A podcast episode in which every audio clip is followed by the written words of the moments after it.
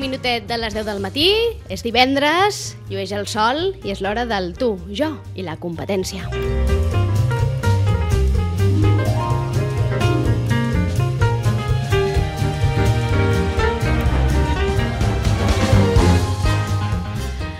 Sandra Carbonell, molt bon dia. Bon dia. Com estàs? Bé, molt bé. Em sentiu? Et sentim perfectament. Eh, Sandra Carbonell, que avui posem fi a temporada del i la competència, tornarem, reprendrem, segur passat eh, l'estiu, però aquí tots necessiten vacances, els nostres col·laboradors també, i els hi volem eh, donar. I avui acabem amb un tema eh, de molta actualitat, perquè la Sandra ens ho ha comentat moltíssimes vegades, ens ha eh, parlat de l'algoritme de, dels algoritmes de les xarxes, moltes vegades el d'Instagram, que al final sabem que és la xarxa més utilitzada pels eh, petits empresaris, pels que teniu eh, marca, i darrerament l'algoritme d'Instagram, el que més valora, Sandra, són els vídeos i sobretot els Reels. Correcte. Tot el que és material audiovisual que pengem a les xarxes és el que té més visualització. Per tant, si encara no sabeu fer Reels, ara us donarem uns tips bàsics per poder entrenar durant tot l'estiu i petar-ho al setembre. Ah, exacte, que d'això es tracta, eh? de que comenceu a practicar l'estiu, que no us faci por. Al final la Sandra el que eh, avui ens explicarà són eh, qüestions fàcils perquè ens animem a fer-ho, perquè ho hem parlat moltes vegades i ella ho comenta sempre, no val només amb tenir un perfil a la xarxa i ja està, hem d'estar al tanto, al dia de les eh, novetats i de les, dels canvis que fan les xarxes perquè després això és el que ens posiciona i ja sabem que això funciona amb algoritmes i per tant ho necessitem. Per tant, avui ens centrem en la part audiovisual i sobretot en els Reels, que és que d'entrada, per qui no sàpiga i no entengui qui és, Sandra, què són els Reels? Els Reels eh, és, ah, diguéssim, que un un document, o sigui, un vídeo curtet, molt curtet, entre 15-30 segons i ara s'ha extès a 60 segons, és a dir, d'un minut, on tu pots decidir eh, què penses, evidentment, de contingut, quina velocitat li dones, és a dir, et permet fer una mica d'edició, no? allò que fins ara no era possible amb els mòbils o, o només amb Instagram a quina velocitat vols, si vols anar més ràpid o més, o més eh, lent, si vols integrar música, si vols integrar text. Llavors, és, et permet, és, és com una eina d'edició per mi. Jo li veig moltes possibilitats en aquest sentit. I d'alguna manera surt fent competència a TikTok, que és, eh, que és, una, és diferent, eh? perquè hi ha, hi ha moltes diferències evidents, TikTok se centra molt en el ball, però en la metodologia del vídeo sí. és bastant similar, eh? i permet fer mm, jocs visuals i amb edició, amb aquesta edició, que és molt fàcil, molt senzilla, i ara Sandra ens l'explicarà, permet fer jocs visuals que d'alguna manera el que fan és cridar l'atenció, no, Sandra? Correcte. Al final, mira, justament l'altre dia deien que els dos primers segons d'impacte que el, el teu contingut del feed d'Instagram tingui serà, uh, serà el que determinarà la visualització que tu tinguis. Per tant, si no fem coses que impactin, no ens veuran o ens veuran molt poca audiència. Doncs vinga, Sandra, comencem. D'entrada, els hem de dir que l'hauran vist la funció dels Reels, en aquest moment quan un apareix al seu perfil li apareix allà història i apareix el Reels. És tan fàcil com entrar sí. aquí i a partir d'aquí anar-te deixant guiar, no, Sandra? Sí. Eh, eh, jo, vull, jo vull matitzar que jo faig els Reels des de quan tu vas a història, el que dius tu, perquè també pots accedir des de la part més genèrica, des de la història, si tu no li poses cap filtre, a mà dreta t'apareix Reel. Llavors, és la manera més senzilla de fer-ho. Després, ho he dividit, he dividit eh, els tips com en tres fases. La de contingut, la de set i la d'execució. Vinga, perfecte. Vale? Llavors, contingut. Molta gent diu, ah, però és que no sé què posar. bueno, ja, us vaig a donar un truco. Per exemple, agafa un post d'algú que hagis explicat o que, algú que hagis ensenyat, o un producte, o un servei que fas, el, el que et vingui de gust, que hagi tingut bastanta mm, engagement o que hagi agradat bastant, llavors això ho agafes i ho desgranes i et fas un petit guió.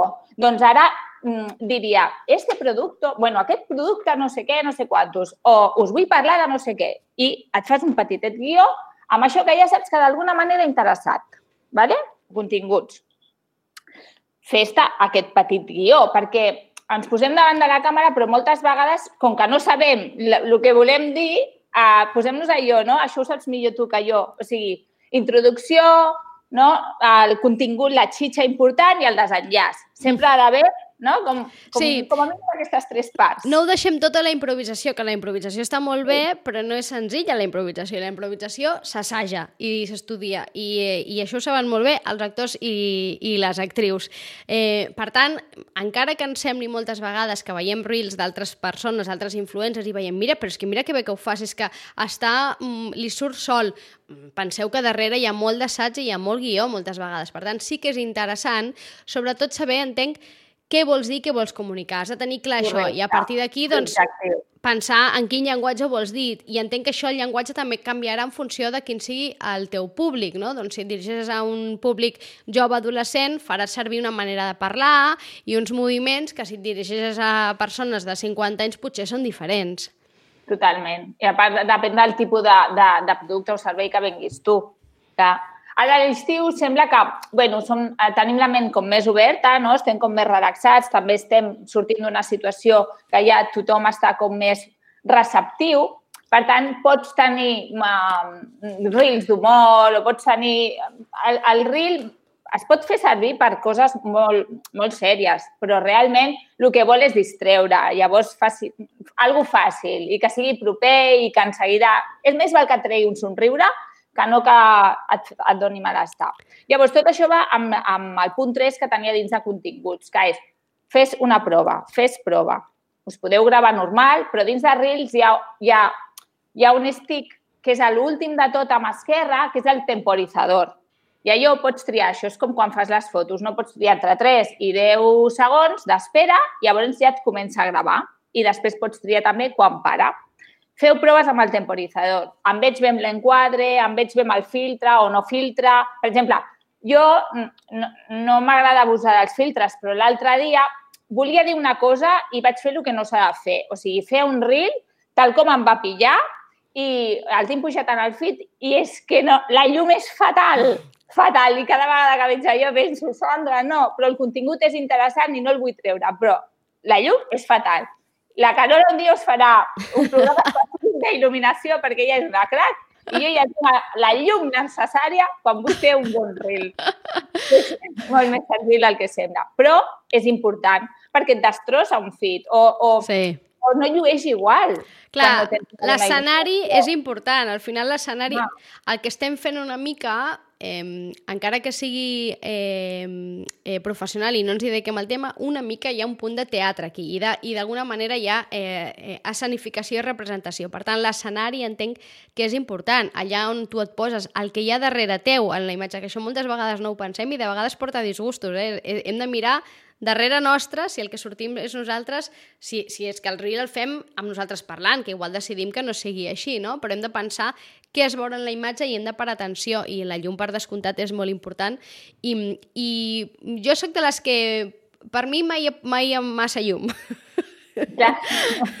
sóc bastant fan de, de que hi hagi molta llum. També és veritat que ara hi ha, avui en dia hi ha filtres que t'ajuden en tot i t'arreglen qualsevol imatge, eh? però en qualsevol cas entenc que doncs, tenir en compte o pensar una mica en el reel com una posada en escena, no? Exacte. Llavors, amb aquesta posada en escena, la, la majoria de vegades no es fa servir el so, però si, si esteu explicant alguna cosa és molt important que se senti bé. I alhora també és molt important que, encara que no ho transcriviu tot, perquè això, això no és un aquí, no fa falta, però sí que els conceptes bàsics han de quedar escrits, perquè tenim clar no, que la gent eh, llegeix més que, que escolta Instagram. Llavors, és important això. En quant a execució, pues, eh, hi ha maneres de fer-ho. Jo trio la música al final. O sigui, hi ha molta gent que condiciona la música, com seria el cas de TikTok, no? perquè els tiktokeros tenen més tendència a això. Condicionen el contingut o el format del reel envers la música. Jo ho faig al revés. Jo faria primer, em centraria en el contingut, el que interessa explicar, i després buscaria una música que la pogués acompanyar eh, no supeditar-ho tot a la música, perquè a no ser que venguis música o a no ser que venguis alguna que estigui relacionat amb allò. Llavors, la música és molt fàcil perquè també et permet triar el, el tros de música que vols. Pots moure-ho endavant, endarrere, per tant, és molt fàcil. Després, també el tema de les velocitats. Jugar amb el que dèiem abans, amb les velocitats, és superinteressant. Eh, però llavors has de tenir un guió ben pensat, no? El que dèiem, no, no és... Eh, té, ha de tenir un sentit. No perquè sí. A vegades les coses passades molt ràpids et, et donen molta més informació de la que podries donar en 15 segons normals, però a vegades de, passa tan ràpid que no t'enteres de res. Ho has de tenir ben maquetat, això. Què més? Um... A més, pensem que velocitats ara els Reels te'n dona molta, eh? Te'n dona sí. eh, doblar la velocitat, multiplicar-la per 3, per 4, per... o, o reduir-la, eh? També, reduir també et permet fer-ho una, una mica més lent. Clar, hem de pensar eh. que això són vídeos curts que nosaltres el que anem gravant, perquè no ho he explicat, igual eh, valdria la pena un quan fa un reel el que fa és gravar diversos vídeos i després el que fa l'aplicació és editar-los, és a dir, els ajunta un amb l'altre. I tu el que pots fer és encaixar-los que de manera que es fan aquells efectes, per exemple, en què un surt amb una samarreta, que aquest segur que l'heu vist tothom, fa un salt i quan cau del salt la samarreta és una altra, no? i així. Clar, sí. això és el que et permet fer el, el, el Reels, que tu fas un vídeo, et graves saltant amb una samarreta, et tornes a gravar saltant, fent el mateix amb una altra samarreta i després allò quan l'aplicació monta o uneix els dos vídeos fa aquest efecte no? de que sí. en el salt hi ha hagut un canvi eh, eh, de samarreta. Clar, aquestes són les gràcies que permet eh, el Reels, editar, ajuntar vídeos, no? aquests vídeos curts són vídeos molt curts que, que s'editen i que et permeten fer efectes, no? o moltes vegades entenc que configurar una història que amb un vídeo gravat sense aturar seria llarguíssim, no? necessitaries un vídeo de molt de temps i doncs amb aquests vídeos curts et permet explicar, doncs, per exemple, un, un procediment o un pas, no? Per exemple, com et poses i et treus un vestit o com es fa un plat de cuina, no? És a dir, Clar. pots fer la gravació d'un plat de cuina que potser necessites 20 minuts, mitja hora o una hora per cuinar-lo i el pots gravar mm. amb tres vídeos curts de Reels que et fa després ella un muntatge i aleshores en un procés molt curt de temps veus tots i cada un dels passos de la cuina d'aquest plat de, de cuina, no? Sí. I alhora, eh, això és una manera de fer reels, que és el que potser estem més acostumats, però eh, jo també recomano molt, per exemple, si tens una botiga i tens productes, més igual de sabates o el que sigui, o si tens procediments, no fa falta que al mateix dia gravis els reels. És a dir, tu pots tenir contingut en format vídeo que hagis gravat des del mòbil eh, de moltes coses que fas i podríem fer com un minibook, no? O de la teva feina, o del teu producte, o del teu lifestyle, o de les teves sessions de ioga, o de la, la, el que tu venguis. I, I pots fer, imagina't, de dir, pues, eh, primavera, eh, primavera, estiu, tardor, hivern, i les coses que has fet amb aquestes 3-4 temporades o tots els mesos de l'any i els podries posar així també, que es veiés cronològicament com passa l'any. És a dir, no té per què ser una cosa de que jo ara em gravo aquí i té que ser això. Eh, tu pots fer suma de molts vídeos atemporals, que penso que també és, és la gràcia del Reels. Sandra, entenc que també pots fer vídeos que tu hagis gravat amb la teva càmera a banda, eh? és a dir, Directe. no necessàriament han de ser vídeos que tu gravis al moment, eh? és a dir, si tu tens ja un contingut audiovisual que et sembla interessant, pots construir sí. un Reels amb, amb això. Sí, sí, sí, totalment. És que quan tu vas a Reels, a, a, a la part esquerra, on et surt la càmera de la teva, del teu mòbil, només et detecta els vídeos. Llavors és molt interessant que tu vagis fent scroll i vagis buscant vídeos que potser, sense tu ser conscient, tenen com una mateixa temàtica i, i els vagis juntant amb aquests reels. I a lo millor et queda una composició xula per explicar alguna cosa de, de la teva feina. Sandra, és indispensable que la gent faci Reels, no? És a dir, si tenim un perfil sí. d'Instagram professional, hem de fer Reels, no podem no fer-ne. Bueno, saps què passa? Que tothom diu ai, com puc tenir més seguidors? Que ja hem parlat d'aquest tema, no? Però o com puc tenir més audiència o com puc tenir més engagement? Doncs pues la resposta són els Reels. Clar. En aquests si moments són els Reels, exacte. Si tu vols créixer a Instagram, has de fer Reels.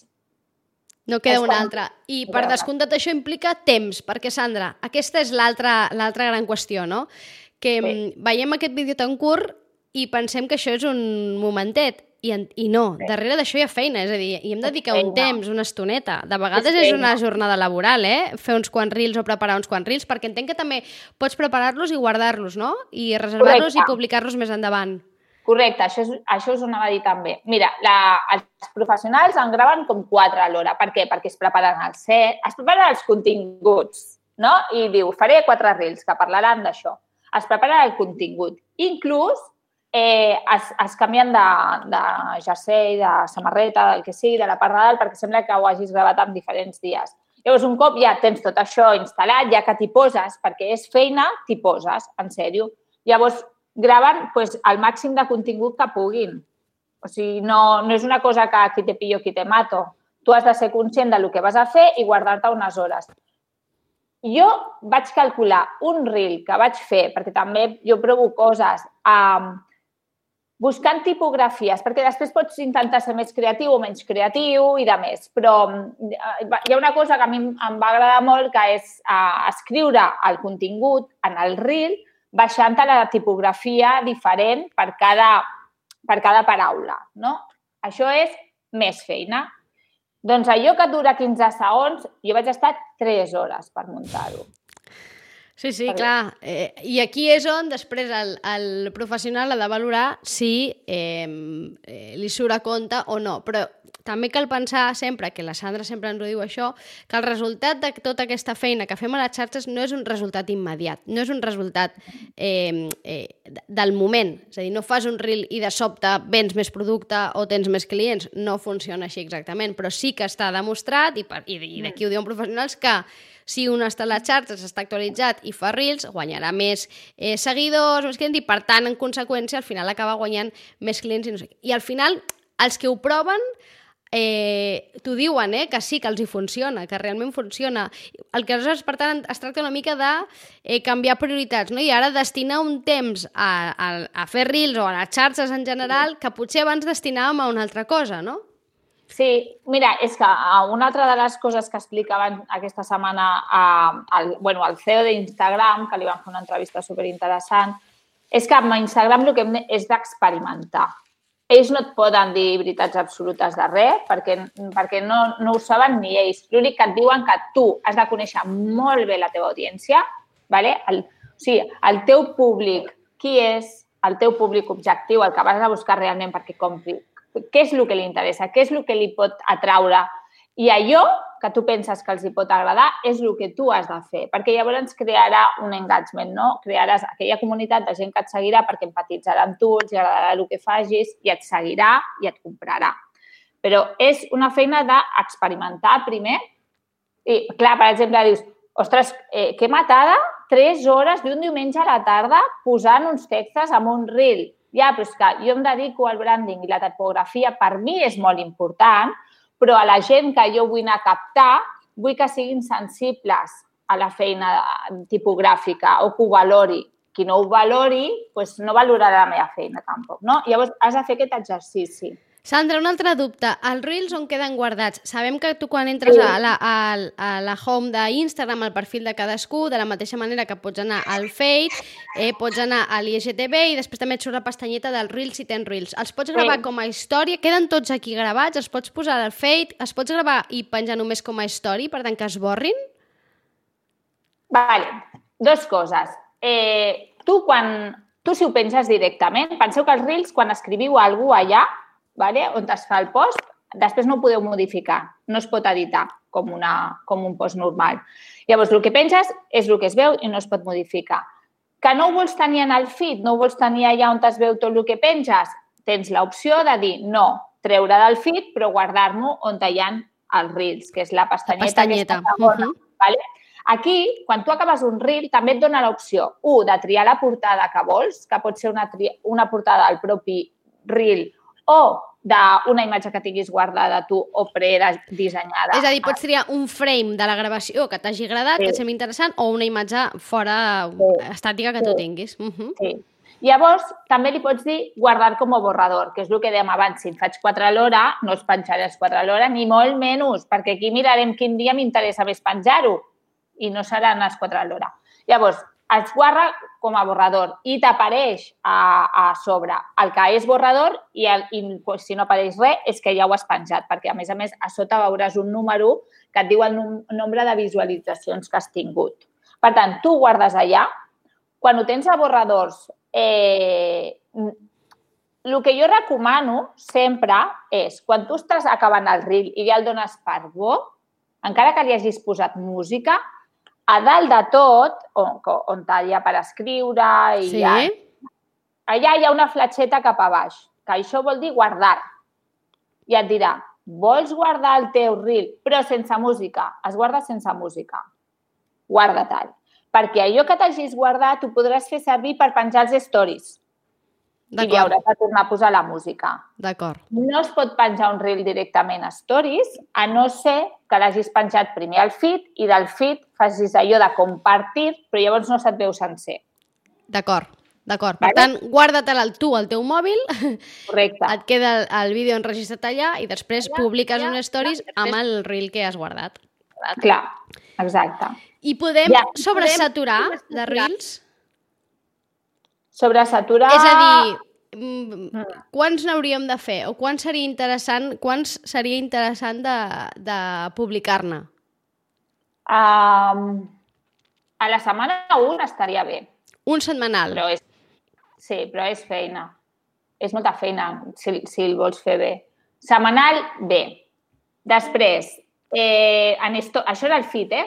Després, amb stories, em podries penjar fins a dos. Llavors, què dius? Com que tu te l'has guardat, tots els que has anat fent, te'ls has anat guardant, els vas refrescant. Els puges i els vas refrescant.